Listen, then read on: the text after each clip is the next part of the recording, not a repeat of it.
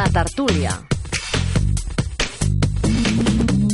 Aquesta setmana l'estudi de Radio Ciutat de Badalona s'ha omplert d'autenticitat, perquè compta amb tres personalitats històriques del bàsquet català, tres llegendes que van contribuir decisivament a fer créixer l'esport de la cistella. La tertúlia d'avui reuneix tres pioneres sense les quals seria impossible entendre el bàsquet actual. Com a jugadores, entrenadores i dirigents han deixat una empremta clau. Maria Planes, gràcies per ser amb nosaltres. Eh, vosaltres. Maria Gol, benvinguda. Gràcies. I Núria Armengol, un plaer que siguis aquí amb Gràcies. nosaltres. Maria, vostè va començar a jugar a bàsquet en una època en què no hi havia tantes noies com ara que, que fessin esport. Com van ser aquells inicis? Una mica difícils. Una mica difícils perquè, fixa't tu, et parlo dels anys 52, 53, era molt jove. Però, mm, aleshores, hi havia el handicap dels pares, saps? I germans, perquè nosaltres érem vuit germans, el papa li agradava molt a l'esport, els meus germans jugaven al futbol, però som cinc noies i de les cinc noies no n'hi havia cap, només jo, la boja de casa, que m'agradava pues, el bàsquet, però amb bogeria, eh? Jo ho perdonava tot. I és clar, aleshores, doncs, el papà no, però la mamà era molt de, de, de manera de ser doncs, més antiga, més conservadora i tal. I primer sí, vaig jugar. Després ja em van començar a posar impediments i com abans dèiem amb la Maria Gol, hasta vaig tenir d'amagar l'equipatge eh, a fora i me l'emportava i els deixava les meves companyes. I aleshores m'anava en el camp, que era a prop de casa, de terra, eh, totalment de terra, i a jugar sense que a casa ho sapiguessin. Però un dia vaig tenir la mala sombra de fer una caiguda que em vaig obrir tot el genoll i no vaig dir res. I a la nit, a casa, el genoll feia xof, xof. I aleshores vaig quedar la meva germana, dic, vine, vine, corre. Dic, mira, no puc treure'm perquè m'he posat jo aquí una gas, no sé què, i estava tot ple de pus. I diu, espera't, em va portar aigua calenta, em va tirar l'aigua calenta sobre el genoll i del crit que vaig pagar tan fort, corrents va venir la mamà. Però què és això? Van tenir de portar al metge, lògicament, perquè va ser un desastre. Maria, a casa seva potser era una mica una excepció, perquè el bàsquet hi va entrar com a molt d'hora. No sé si ho tenien una mica més assumit a la Home, família. i, i tant d'hora, perquè el bàsquet de Badalona, el meu pare va ser un dels que el va començar a fer, i va ser el 1927, o sigui que jo encara no havia nascut. Aleshores, elles tenen molt de mèrit, perquè el bàsquet els hi ha agradat i d'una manera o altra, doncs, són elles les que s'han decidit posar-hi. Jo, amb, amb tot tipus d'esport, m'ha vingut donat a casa. O sigui que he jugat a bàsquet, he fet atletisme, he fet natació, he fet eh, gimnàs, molt de gimnàs, però és clar, això és per néixer on vaig néixer. I aleshores, tota la meva vida, tota, ha estat lligada sobretot al bàsquet, però tot tipus d'esport. A més a més, m'he casat amb en Lluís, que també és gent de bàsquet, des dels 9 anys, els fills han jugat, el meu germà Guifré també ha jugat, o sigui que per mi dificultat ni una. La dificultat era intentar fer-ho bé. Aquesta és la motivació. Jugàvem a bàsquet perquè ens agradava. El bàsquet és un esport que va començar amb una escola. Aleshores, era una manera més de completar l'educació i la formació de les persones. Almenys així ho enteníem. El bàsquet d'ara no és el meu bàsquet. M'agrada veure'l, però ara és un espectacle. Abans era un esforç, un esport i un complement de l'educació de l'escola i de casa. Saber com comportar-te, saber guanyar, sobretot saber perdre, que a vegades és el més difícil, però tot això és el que el bàsquet ens donava. He sigut molt feliç. I la prova és quantes amigues hem aconseguit jugant a bàsquet. Encara que rivals, amigues. Sí, Rivals a la pista. I amigues dintre i fora. Sí, sí, sí, sí, Maria, Ha sigut tens això. raó. Núria, com van ser aquells inicis? Quin Bueno. ambient s'hi respirava? Jo vaig començar una miqueta més tard, cap a l'any 63. Jo jugava en el col·legi, però a mi no, jo no, no m'omplia, era massa senzill. I quan vaig intentar jugar amb sèrio resulta que no, no hi havia categories. Només hi havia el sènior. O sigui que me'n vaig anar a començament al gimnàs del Club de Futbol Barcelona. Tenia, que vaig conèixer l'Eduard allà. Allà pues, tenia, jugava amb noies de, de, de, de la meva edat de la meva edat poques, de 18, de 20 de 20 i pico, no, no hi havia categories en aquell moment i vaig estar dos anys allà, que jugava en l'educació en descanso, també em vaig, vaig aprendre a competir, i a vegades inclús em va intentar fitxar el senyor Gol, que jo era de Barcelona, i anar a Badalona en aquella època era molt difícil, em fet molta il·lusió, molta, molta, perquè jugaven a primera divisió, sí. el senyor Gol pensava que jo tenia qualitats, i ja em vaig fitxar per l'Hispà francès, que bueno, ja vaig passar tota la meva, la meva vida esportiva allà. Vam pujar a primera divisió, vaig estar 9 anys a, a la primera divisió, vaig conèixer a, a, a Maria, a, a, bueno, i així, i així ha estat, vull dir. I després, com el meu marit també, com saps, també es dedica al bàsquet, doncs, vaig començar també d'entrenadora en els escolapis diputació, um, els xufequeses han sortit de, de les meves mans, vull dir, ho vaig tindre de mini dos anys al de Fel i cinc en el Tomàs, i també l'ajudaven a l'ISPA amb els equips més petits, quan recorden una mica aquella època, amb què es queden? Amb els títols, amb els viatges, amb les companyes de, de vestidor? No sé què és el que primer els ve al cap. Si ara parlo d'època meva de jugadora, hi ha una cosa que tu em va venir a buscar el senyor Gol i a mi em va venir a buscar el Picadero. el Tobal. Eren els dos. I no, i no m'hi van deixar anar. A casa no m'hi van deixar anar. No sé per què, però bé, em vaig quedar amb les ganes. Però bueno, ja ha passat. Aleshores, a mi el primer que em ve al cap de tot és, com a jugadora i després com a entrenadora, em ve al cap el que van saber dir la Maria. L'amistat que fas. Jo en seguida veig quan una persona ha fet esport o no. Per què? Perquè té una manera de fer molt més no... a mi em sembla, eh? Molt més noble, saps? Aprens el que és eh, eh guanyar, que és molt difícil també. I aleshores aquelles amistats, sobretot amb mi, que quan jo jugava, encara ara la tenim, perquè són molts anys i totes ja hem passat ja dels 80 anys. I clar, sí, clar, aleshores són horaris i bueno, és perdut. Doncs no, encara en tant en tant, ara ja fa alguns anys, però en tant en tant encara ens reunim per parlar. I això és tan bonic. I després les noves amistats que es les fent amb el temps. Sí. Però aquelles èpoques em recorda això. Sí. l'amistat. Es reuneixen i, i què surt a la, a la conversa? Home, primer com estàs, què fas? I aleshores venen records, venen records. Recordes aquella vegada que... I, rialles, abraçades, i és, és que ha sigut una vida, tota una vida. I és molt bonic. A més a més, bé, ara en el meu cas. Com que s'ha de dir que la, vaig néixer a l'estiu i aquí a Badalona es feia el trofeu Vicenç Bosch. Jo tenia mesos i a casa ja m'hi van portar. O sigui, una nen, no mesos, setmanes. El bàsquet va començar així. En, doncs això amb què vull dir? Vaig poder jugar bàsquet amb la meva mare, amb les meves ties, amb les seves amigues, i vaig anar creixent. I aleshores m'he trobat un ventall de, els grans ja són morts, però que eren amigues meves, ni que ens portessin 20 anys, i la gent jove que va venir després. Jo em quedo amb això, i amb records puntuals. El camp d'aquí a Badalona, l'Unió on jugàvem, naturalment era de terra.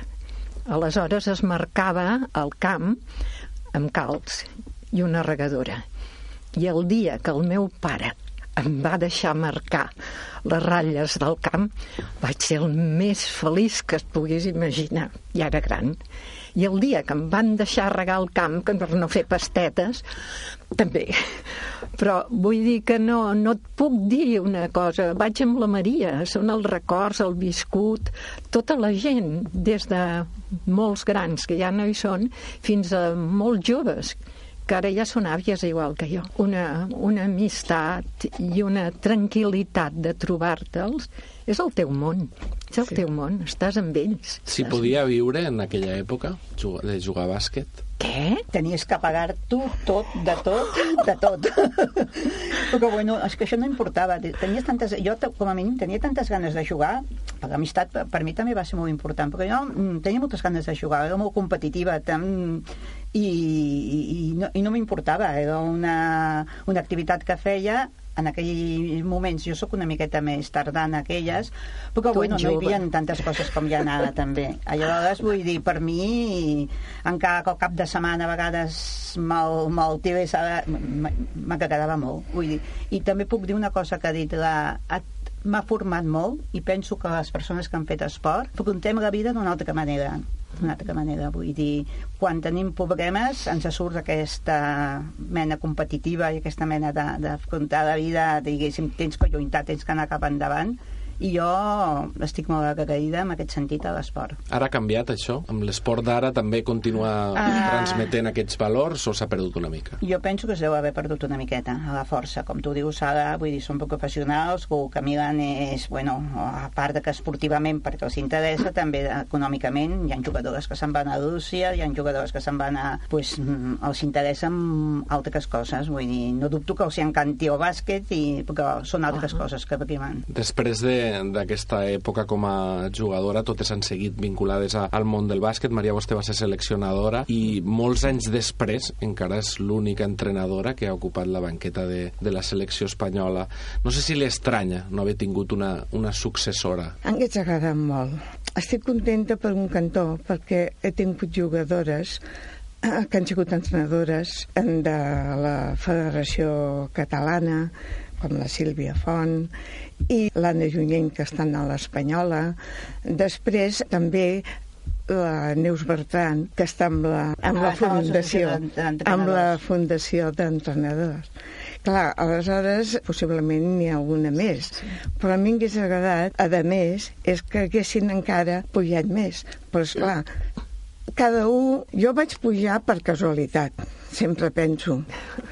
Sí, perquè la meva entrada al bàsquet després de jugadora, després de casada, més aviat va ser per fer una mica d'obra social en un barri, al Guinardó, que moltes nenes no tenien medis per poder eh, doncs, sortir i jugar.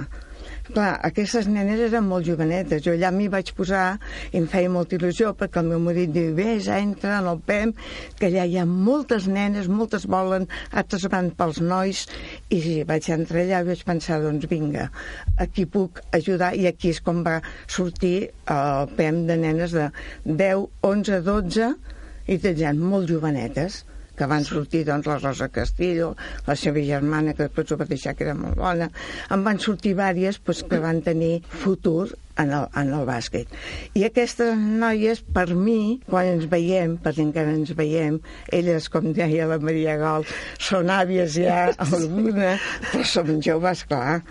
Doncs, eh, quan en, ens veiem, és una gran satisfacció que em diguin Maria, sort a tu, vam escollir un camí que vam ser molt felices i vam poder conèixer coses que nosaltres no podíem conèixer. Sí. Això és tan important, encara ens veiem i, i, i ho veus i és una gran satisfacció. Aquí, aquí va començar ja la meva trajectòria sense voler. És un camí que després és útil per, a, per al que facis a la vida. Sí, a mi amb tot sí. això que ha dit la Maria, veient-la com parla, parla de les seves nenes. Que ja són molt grans, però són les seves nenes. Començant tan petites. I elles, sí. doncs, no diré la mare, però és la seva mestra. Sí, ja m'ho veien. Sem sí, ja m'ho veien. Sembles la lloca amb tots els pollets.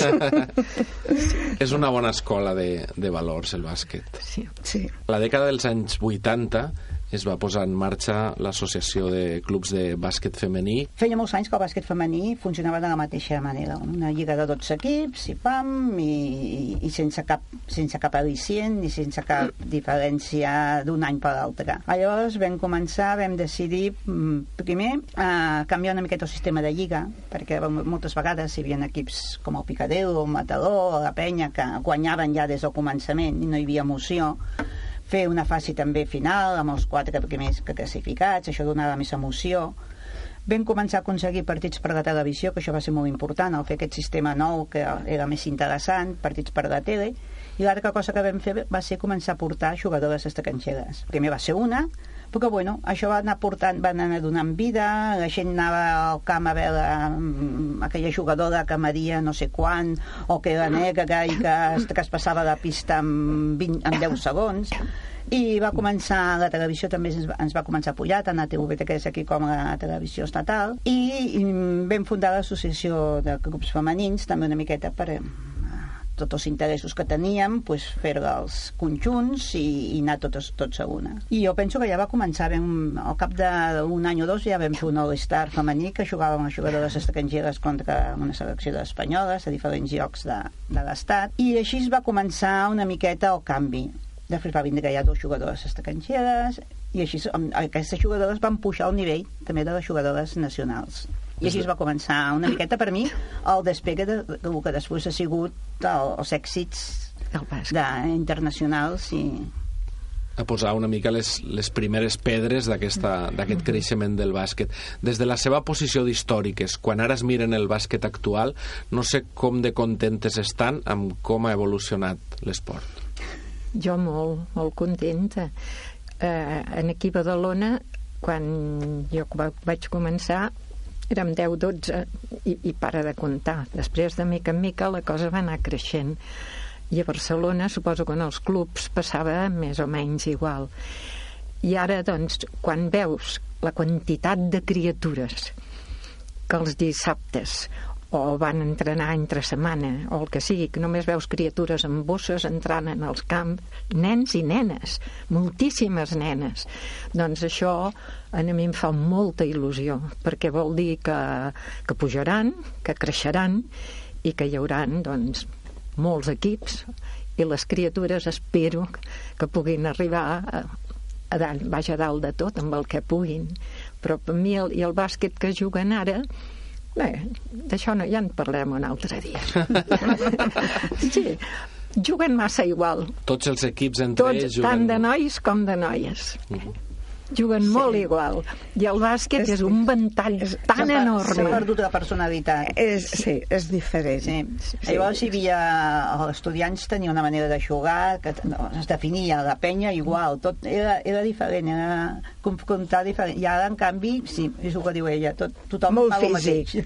Sí, ara hi ha molt físic, perquè tenen moltes més hores, econòmicament potser també... Sí. Jo parlo de noies, eh? Ah, perquè, sí. no, bueno, jo deia de nois per la personalitat sí. que, que tenien però amb, amb, amb noies, clar, ara actualment doncs eh, se'n poden anar a jugar fora, tot això són econòmicament doncs els ajuda per poder si després eh, sí. volen acabar d'estudiar eh?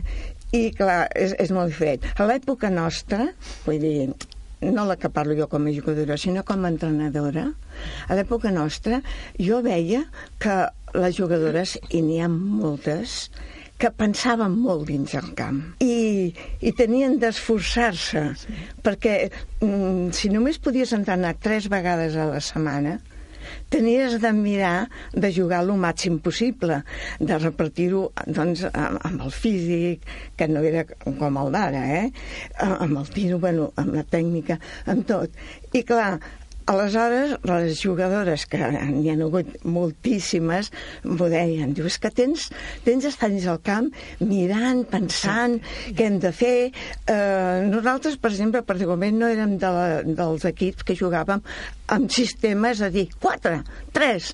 No, jo ja des del mm, començament ja vaig mirar, inclús amb les petites, de que juguessin més amb tècniques saps? Sapiguessin jugar l'1 contra 1, el 2 contra 2, el 3 contra 3, que sapiguessin jugar a dins de la pista sense fer sempre el mateix. Jo trobo que abans es donava més prioritat doncs, a, que, a l'habilitat. No buscaves enfrontar-te en contra de mai. Miraves d'esquivar i miraves de ser hàbil Eh, saltar, sí. córrer, tot, exacte. I, però la força la feia servir per habilitat. Jo recordo els equips que portava la Maria, que ella els hi donava a les jugadores que cada situació no anaven tancades, sinó que l'havien de decidir. És el que he dit. I per les jugadores... pensar. I per això va tenir tants bons resultats. Aquestes passes ens han portat al bàsquet actual, que tants èxits està aconseguint a nivell de medalles, amb molt protagonisme de jugadores catalanes formades aquí, d'entrenadors també eh, de la casa. Des del seu paper d'històriques del bàsquet, quan ara venen les noves generacions i els hi demanen consell, els hi pregunten si eh, faig bé jugant a bàsquet, si cap on he d'anar, quins consells donen a la gent jove que ara els hi pregunta cap on tirar? Sí, és una miqueta difícil. Sí, és que ens, eh, potser és, es- estem molt distanciades en quant a objectius i en quant a... Sí, en quant a la preparació... Jo, per exemple, el que aconsellaria és algo que potser a jugadores ja a nivell aquest. Ara sí que es pot aconsellar a moltes més jugadores, que aquestes només són un, un, una quantitat pues, molt, molt, molt curta és que no deixessin estudis i que continuessin fent-ho tot. Que bo. Perquè després es troben que no totes arriben, inclús les que poden prometre als 15, 16, 17 anys, Sí. i si han deixat estudis, pues es troben amb una vida una miqueta buida, no? I penso que tens que continuar fent la teva vida, que és potser una m'agrada del bàsquet actual, Sí. que te- t'absorbeix tant que no et deixa fer pues, altres coses, com és estudiar i, i aquestes coses. Evidentment. Sí. És molt important, jo crec, perquè els noies encara que ara puguin tenir una remuneració dintre de tot bé, però esclar, no és el futur. Te- Tenen elles eh, de mirar, doncs, de, o estudiar, si és que poden, com feien eh, les jugadores, i devíeu fer Sí, vosaltres, Sí, sí, no fèiem, en l'autocar. estudiàvem, jugàvem, perquè anàvem a en sense autopista, vull dir... tenen jugadors, jo tinc jugadores amb carreres eh, i clar, metges, es sí. tancaven a l'habitació quan arribàvem I estudiar. i es posaven a estudiar. Parlaré del que dic als meus nets o del que hem dit en els nostres nets. Com ella ha dit, estudi i bàsquet, o l'esport que, que triïn. Normalment un bon estudiant serà un bon esportista. I l'esport i l'estudi tenen per mi els mateixos valors. Constància, esforç, si una cosa no et surt bé, doncs intentar superar o sigui, millorar com a persones amb les dues coses. No oblidis que quan s'acabi has de tenir, si pot ser una carrera o una feina preparada, o no, és a dir, la vida no s'acaba amb l'esport. Doncs amb aquestes lliçons de vida que ens han eh, donat ens quedem. Els agraïm molt la seva presència a les tres aquí a l'estudi i sobretot els donem les gràcies per haver-nos obert la porta per arribar al bàsquet actual eh, on ha arribat fins ara. Moltes gràcies a totes tres per ser aquí. Gràcies a a vosaltres. Gràcies a tu. Sí, sí. A vosaltres.